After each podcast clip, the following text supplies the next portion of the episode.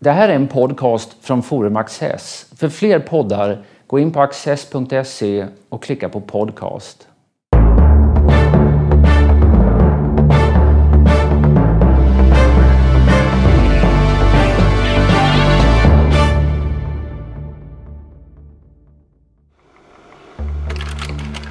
Niccolò Machiavelli, 1469 till 1527. Politiker och diplomat i Florens. Författade efter att ha förlorat sin inflytelserika ställning flera böcker om hur stater styrdes historiskt och i nuet och om hur de borde styras. Mest känd är Fursten. Mest betydande, utan tvivel, Republiken. Diskurser över de tio första böckerna av Titus Livius. Karl Rudbeck, filosofie doktor i litteraturvetenskap och tidigare lärare i arabiska vid Stockholms universitet, samtalar med Peter Luthersson. Machiavellis rykte i eftervärlden vilar i allt väsentligt på en enda bok, Fursten. Och den har ju också gjort att eh, han har fått ett adjektiv av sitt namn, machiavellisk, som någon som eh, bejakar maktcynism fullt ut, en ohämmad maktcynism. Är det den korrekta bilden av Machiavelli? Det är en del av den korrekta bilden. För att den, alla de egenskaper som du nämnde finns där, men det finns också mycket mer. Eh, först och främst är Fursten bara en del av hans verk och om man läser verket som helhet, i alla fall mera, så modifierar det bilden. Men det vore ju konstigt om den bild du målar upp vore helt eh, tagen ur luften. För att eh, eh, under fyra, att då skulle så att säga 400 år av tolkning av Machiavelli vara helt befängd. Det tror jag inte den är. Men det gäller att problematisera bilden. Och framförallt tror jag det är viktigt också att sätta in Machiavellis, försten speciellt, i ett historiskt sammanhang. För den skrevs i ett kaotiskt Italien med enormt mycket politiska konflikter. Och Machiavelli ville väl ha en stabil stat i detta, i detta kaos. Och för att uppnå något sådant, då var nog en viss eh, ska säga, maktcynism nödvändig. Man kan ju säga att Machiavellis författarskap kommer ju inte i början av hans liv utan relativt sent. Hans eh, stora aktiva period ägnar han åt eh, politik. Eh, familjen Medici, en, eh, Europas rikaste bankirfamilj, har eh, haft makten en stor del av 1400-talet i Florens. Men miste makten 1494 när franska trupper går in i, i staden. Och man får en, ett annat styre eh, som har lite olika faser. Men 1498 blir Machiavelli sekreterare i andra kansliet, det vill säga i realiteten Florens utrikesminister. Sen är han det till 1512 och sen börjar författarskapet. Ehm, det finns en tolkning av vad, vad han vill uppnå med försten som är det han då skriver när författarskapet börjar efter den här han var som du sagt utrikesminister men han, han blev inblandad i en konspiration, i en komplott. Hur pass inblandad han var vet man inte men man hittade hans namnteckning på ett litet papper som gjorde honom misstänkt. Och det betyder att han fängslades och torterades och avsattes. Så att, men han ville ju komma tillbaka för att eh, politiken var hans livsluft. Så försten skrev han väl som ett försök att åter att komma tillbaka till maktens centrum och bli en betydelsefull politiker igen. Och därför är det ju så att säga en handbok i statskunskap, i statskonst ska jag säga. Ja. Och den, den, är ju riktad till och, och tillägnad en Medici. medlem i familjen ja. Medici. Och eh, har ju ansetts ofta vara en jobbansökan mm. helt enkelt. Han, han, visar hur duktig han är på alla eh, fula trick som en eh, förste behöver kunna för att eh, fortsätta att kontrollera en stat. Och, men det finns ju också eh, en annan tolkningstradition som menar att allt det där är bara kosmetika. Att han, eh, att han tillägnar detta till en eh, Medici. Och i själva verket så är försten ett varningens ord. Titta, sådana här är förstar. Ehm, det som Machiavelli beskriver det är verkligheten. Det är inte ett ideal eller en teori eller en norm. Han vill inte skriva en handbok utan, eh, utan han vill, vill ge en verklig bild. Han vill visa hur det har gått till. Idealet beskriver han ju senare möjligen i den bok som på svenska heter Republiken. Mm. Men i den här boken så vill han ju också visa att eh, profeter utan vapen alltid har misslyckats. Men profeter med vapen har lyckats. De har varit framgångsrika. Och han, vill ju också på, han påpekar ju någonstans att den första det är bra om han är älskad och det är bra om han är fruktad. Men måste han välja så det är bättre att vara fruktad. Mm. Ja. Så att det här finns hela tiden där. Och det finns en väldigt fin bok Eh, av någon som heter Grazia som heter Machiavelli in Hell. För att han vill ju också påpeka att eh, en politiker måste fatta beslut som ur en allmänt moralisk eh, synvinkel är förkastliga. Så att han kanske måste, en bra politiker måste kanske när det väl kommer till kritan offra sitt eviga liv för att uppnå politiska mål. Eh, det är klart att Machiavelli har den där eh, romerska föreställningen att eh, en stat bygger på vapenmakt och religion. Och ser man till vapenmakt så är han ju ofta påfallande modern i sina synpunkter. Han förordar blixtkrig och han säger att man ska akta sig för att fastna på en plats för det kan vara svårt att ta sig därifrån. Eh, han säger att man ska inte ge sig in i krig i onödan därför att det är lätt att börja dem men svårt att avsluta ja. dem. Och, och det är ju en lärdom som är väl så aktuell idag. Som, som är mycket aktuell ja, idag. Och det är väl därför kanske Machiavelli fortfarande läses för att han är tillräckligt vag för att fortfarande vara aktuell. Det intressanta tycker jag är hur han både är djupt eh, rotad i sin egen tid men samtidigt tidlös. Det är väl där som gör att han fortfarande läses på ett sätt som hans eh, politiska kollegor inte gör. Och också som gör att han eh, är så mångtydig och spännande. Han arbetar ju ofta med historiskt material. Alltså, eh, som utrikesminister mm. i Florens så var han ju ute på diplomatiska mm. missioner och träffade alla betydande mm. personer i sin samtid. Ludvig den XII av Frankrike och Eh, inte minst Cesar Borgia i Urbino som eh, har ansetts vara förebilden för men, för försten. Om jag får bara så här, generellt säga, jag märker i dina frågor mm. finns en vilja att göra Machiavelli till en liberal. Eh, en protoliberal. Det påminner lite grann om tolkningen av Nietzsche som ju också som eh, eh, eh var betydande för nazismen. Det fanns mycket mer där. Men det finns en hel tolkningstradition av Nietzsche som också försöker göra honom till en eh, milk and honey-filosof, var det någon som påpekade. Nämligen att dra bort det, det farliga, det aggressiva, det otidsenliga, det faktiskt odemokratiska hos Nietzsche.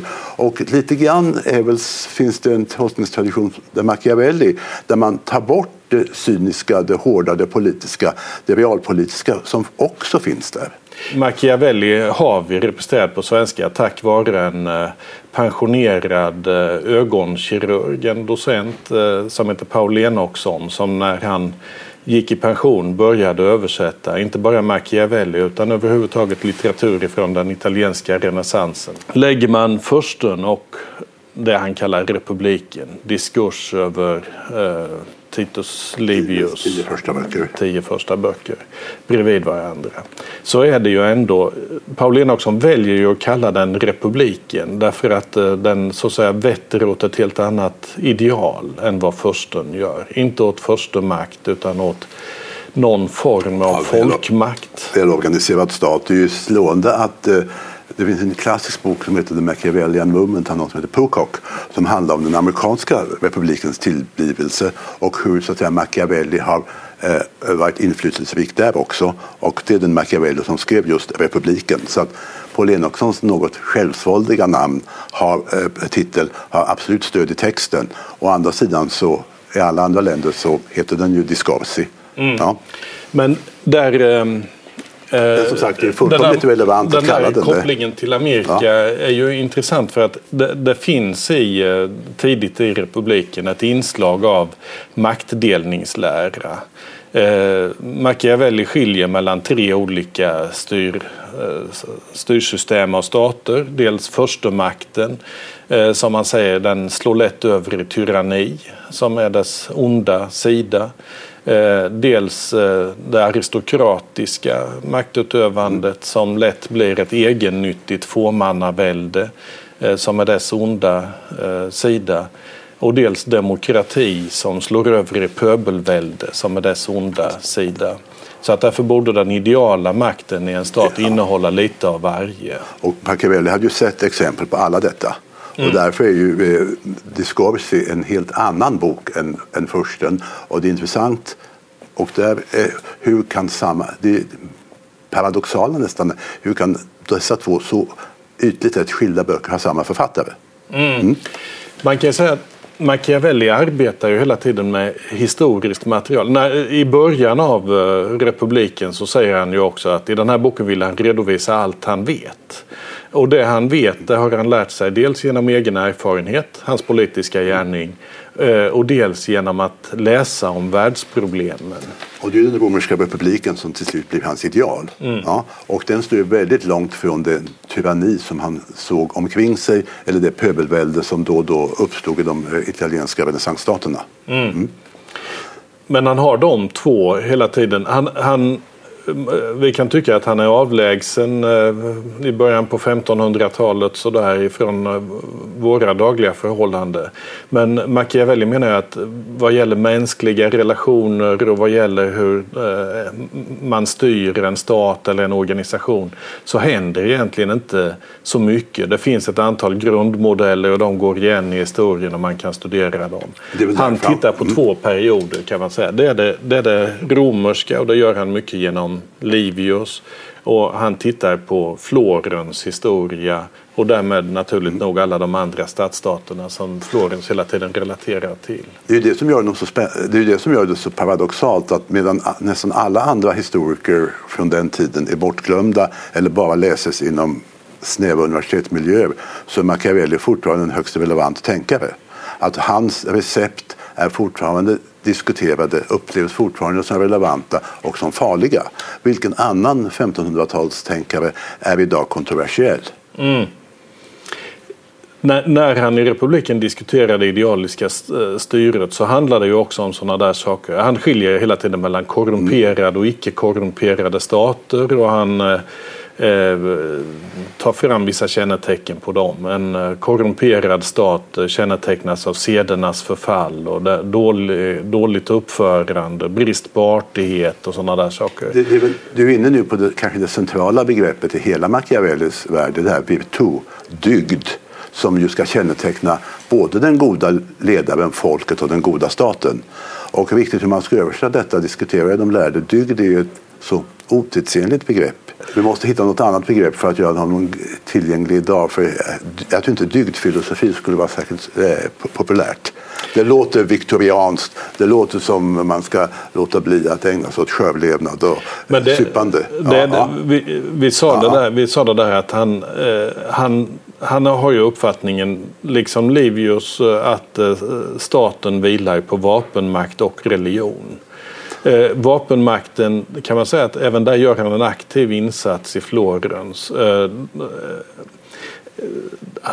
det gäller ju för Machiavelli ständigt i republiken att hitta metoder för att kontrollera de mäktiga. Att eh, behärska, vad heter det, begränsa deras, deras egen mäktighet. Ja. Så att säga. Stävja mm. dem. Och då ett, ett sätt, eh, han ogillar ju då att man eh, ska bygga försvaret eller de militära maktmedlen bara på legosoldater och vill istället ha en folkmilis. För att eh, det är ett sätt så att säga att inte låta sig kontrolleras av ett fåtal personer För eller familjer. Lego, legosoldater blir, blir, övertar sen lätt makten själva. De, de blir en farlig, de blir inte så cancerfull till staten. Det intressanta är att han påminner faktiskt här om en tidig föregångare, nämligen den arabiska historien Ibn Khaldun som var hundra år äldre, som ju också varnade för precis samma sak. Att om staten vilar på legosoldater så kommer de snabbt att ta över makten. Och Mm. Och blir då eh, som mameluckerna i Egypten eller vad man ska säga. Det, så att det är samma insikter hundra år tidigare i Kairo som i, i Florens. Och det kanske betyder att båda två var sanningen på spåren. Ja, det får man väl eh, tro i någon ja, mening. Ja. Och, och, Machiavelli var ju vid denna tidpunkt när, när idén uppstår fortfarande en praktisk politiker. Mm. Så att han, han inrättar ju också, eller är med och inrättar en folkmilis i Florens och blir den första eh, vad nu titeln var, men chefen för den mm. där, eller den politiskt ansvarige för folkmilisen. 1509, så det är en rätt kort period till hans fall, sen 1512. Men den andra komponenten, religion. Eh, religionen, om vi är inne på dygd, seder, säger jag.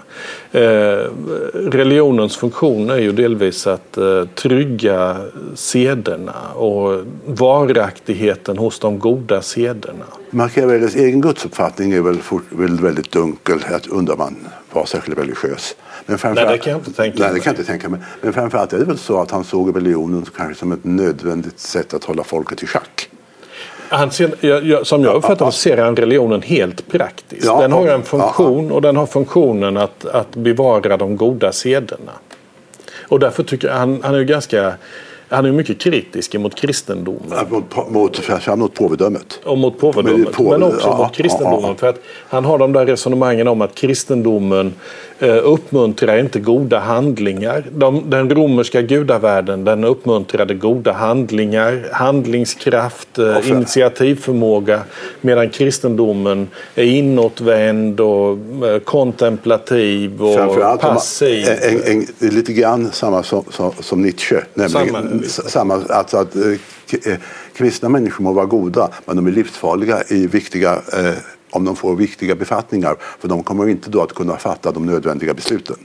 Så att kristendomen som eh, kan vara bra kanske för massan men man får väl hoppas, han hoppades då att de som eh, hade makten eh, inte var särskilt eh, bokstavskristna. Machiavelli lyckades ju aldrig komma tillbaka till politiken på något eh, reellt sätt. Medici-familjen gav honom visserligen ett uppdrag. Den här florentinska historien skrev han på deras uppdrag. Men den som, han annars, som blev hans vän i makthavarkretsar var Guicciardini som eh, styrde någon av de italienska stadsstaterna med påvens mandat. Och om eh, i mina ögon Machiavelli är en protoliberal så är Gicciardini en protokonservativ och de drabbar samman kring vissa frågor. Till exempel det där önskvärda, lika önskvärda i Italiens splittring. Eh, eh, menar ju då att, eh, att det, det, är bra eh, det här för att det gör att det finns en massa konkurrerande stadsstater. Eh, det finns så att säga en politisk marknad i Italien och den intellektuelle som inte tycker att han passar på ett ställe kan säkert finna en uppdragsgivare på ett annat. Och, eh, man kan röra sig lite mellan de olika miljöerna. Eh, man, man, kan ha olika ideologiska schatteringar. Men du kommer tillbaka där protoliberal. På ett sätt ja, men det är väl ändå lite missvisande för jag har väldigt svårt att tro se Machiavelli som medlem i det svenska folkpartiet. Ja. Är det måttet för en liberal? Nej, det är möjligt att det är, att det är att lägga ribban väldigt lågt. Ja, ja okej. Okay. Men eh, han är väl snarare en protodemokrat. Mm. Ja, som inte är riktigt samma sak. Nej. Sen kan man ju säga att i, i hans, i hans Oh, förlåt. Nej, ja. I hans politiska analys så det som ligger till grund för den är ju ofta människokunskap han biter sig inte fast i teorier eller system mm. eller att det nödvändigtvis måste vara si eller så. Han kan också säga att, att det finns situationer där det är bra med en envåldshärskare. Om sederna i en stat fullständigt har förfallit och man ska övergå till en god ordning så kan det nästan bara ske genom en envåldshärskare som upprättar sederna. Han var väl pragmatiker på det sättet och eh, det, än en gång tror jag det är viktigt att sätta in honom i det kaotiska politiska sammanhang han verkade. För att vi som lever i ett ganska ordnat samhälle förstår väl inte, kanske inte riktigt vad det, att innebära, vad det innebär att leva i den kaotiska tid som, som eh, eh Machiavelli var. Det påminner Goethe sa någonstans att om folk får välja mellan ordning och frihet så väljer de ordning. Mm. Och jag tror att det är Machiavellis eh, motto också. Att ordning måste först till, sen kan vi börja tala om frihet och demokrati. Och han såg ju hur kaos spred sig i de här stadsstaterna. Hur franska trupper marscherade dit och påvens trupper marscherade dit. Det var en kaotisk värld som vi knappast kan föreställa oss idag. Möjligen i Syrien. Ja, mm, ja. Så, så är det ja. ju. Och, och, samtidigt så när han, när han diskuterar hur stater styrs så har han hela tiden den där paletten med historien egentligen. Mm. Livius eh, historia kan vi ju säga den som som han utgår ifrån den eh, börjar ju med den mytologiska mm. Roms grundande och går fram till Livius samtid. Han dör ungefär vid Kristi födelse och hans historia slutar med Dru Drusus död. Sådär. Också den romerska historien är väldigt våldsam. Mm. Så att eh, Machiavelli var ju inte rädd för våldet som politiskt medel. Nej, Nej, Men, han, men han var inte rädd för det, men han, han varnar ofta för att tillgripa det allt för lättvindligt. I onödan, ja. ja. Men den första måste hela tiden vara beredd att göra, fatta de här obehagliga besluten. Och där tror jag är en väldigt viktig del av, av eh, Machiavellis insikter att eh, en förste kan inte vara den goda kristne. Jag tror det är väl eh, Berlin som i sin essä säger att att eh, ja, en politiker kan inte räkna med det eviga livet. Om den som vill gå i kloster och ägna sig åt eh, inre, ett inre liv ska inte bli politiker. Det är två helt skilda världar och Machiavelli är väl den första som eh, så att säga, visar att detta är nödvändigt. Och det var därför hans bok mycket tidigt sattes på kyrkans index som förbjuden läsning. Nämligen att det här var en ogudaktig Eh, Eh, författare som drog den slöja som avslöjade politikerna som eh, ganska förfärliga människor men kanske nödvändigt förfärliga människor. Vad jag, vad jag började med innan utan att, att fullfölja det var det här med relationen till Guicciardini. Mm. Att eh, Machiavelli får ju ytterligare en politisk roll ändå. Han dör 1527. Det, Eh, det är ett antal år där. Eh, när han blir anlitad kan man säga, idag skulle vi väl säga som konsult eller säkerhetspolitisk rådgivare och så. Och då handlar det ju just mycket om att avgöra när det är rätta ögonblicket att övergå till våld eller när man inte kan mm. komma vidare på annat sätt än att tillgripa våld.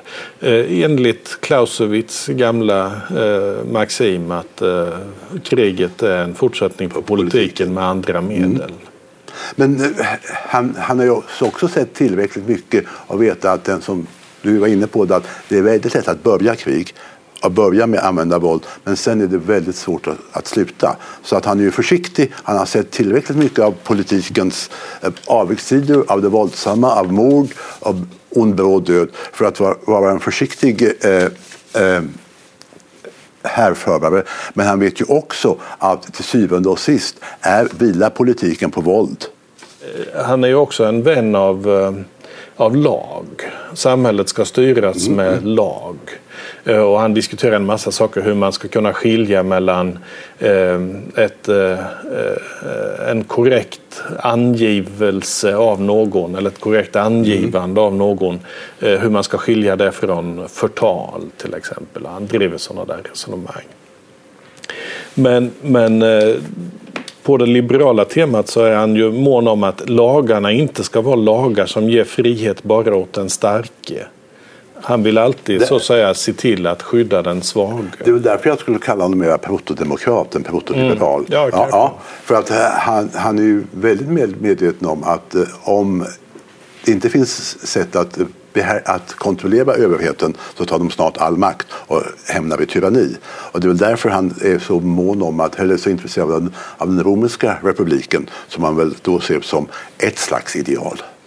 Han talar också om utnämningsmakten mm. och missbruket av den. Att uh, den politiska eliten uh, i samhället som blir korrumperade bara upps, uh, utser sig själva till alla höga ämbeten Ungefär. och inte går efter kompetens. Det är också någonting som är väldigt aktuellt. Är väldigt aktuellt. Det är därför som det känns som om, om man ska rekommendera inte politiker, för de vet det redan, men vanligt folk att läsa en eller två böcker i, i samhällskunskap, då skulle jag rekommendera Machiavelli fortfarande för att jag tycker att han fortfarande isolerar och klarare än kanske någon, klarare än någon tidigare och klarare än de flesta senare visar den politiska mekanismerna, hur det faktiskt går till utan förskönande omskrivningar. Och det är väl därför han har blivit så hatad i eh, maktens korridorer. Då tänker jag på... Men jag, jag, skulle då rekommendera att läsa Republiken och inte Första. Eller båda, båda naturligtvis, två, ja. men i första ja, hand ja, Republiken. Jo, men eh, då, då kanske folk får en lite för snäll uppfattning av hur politikerna faktiskt hand, handlar. Jag, jag skulle påstå att båda två behövs. Jag tänkte en, ett annat aktuellt tema mm. som Machiavelli kommenterade invandringspolitik. Jag vet inte om det har slagit dig att han skriver om det. Nämligen att, att Rom, varför blir Rom starkt medan Sparta och Aten går runt? För att de inkluderade alla nya. Alltså, att bli romersk medborgare innebar ju bara att man, så att, säga, att man respekterade som de lagar och regler som gällde i Rom. Då kunde vem som helst bli romare. Och det var ju en styrka. Medan, eh, medan eh, Sparta och Aten var utestängande och behöll privilegierna etniskt. Även om än, än en gång får vi väl inte göra honom allt för modern där för att i Rom för var ju ett slavsamhälle. Jo. Ja, så att än en gång Rom. Rom var ett slavsamhälle, ja. men det, det, hans poäng ja. är ju ändå det inkluderande. och det är en av de punkter där han och mm. Gizziardini är överens. Mm. Där Gizziardini, som jag kallade protokonservativ, men de exempel jag nu ger är ju på något sätt nästan protoliberala de också. Att han menar ju att fördelen med att vara inkluderande det är till exempel att man får en stor marknad eller att man får goda intäkter. Jag tänkte säga det att både eh, stadsstaterna, speciellt Venedig men också Florens var ju, var ju stadsstater som blickade utåt. Mm.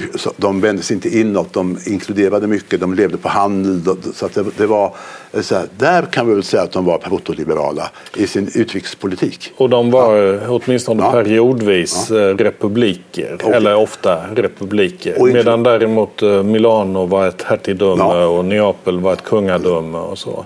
Det är ju en provkarta på olika typer av styrelser. En, en sak han tar upp det är också övergången ifrån Eh, Eh, dåligt styre till gott styre. Att det är svårt att komma från det ena till det andra. Och framförallt är det svårt att upprätthålla det goda styret. Han ser ju där en slags cyklisk... Eh, eh, eh en god stat kan mycket väl eh, bli en ond stat som sen blir en god stat. Det finns en slags...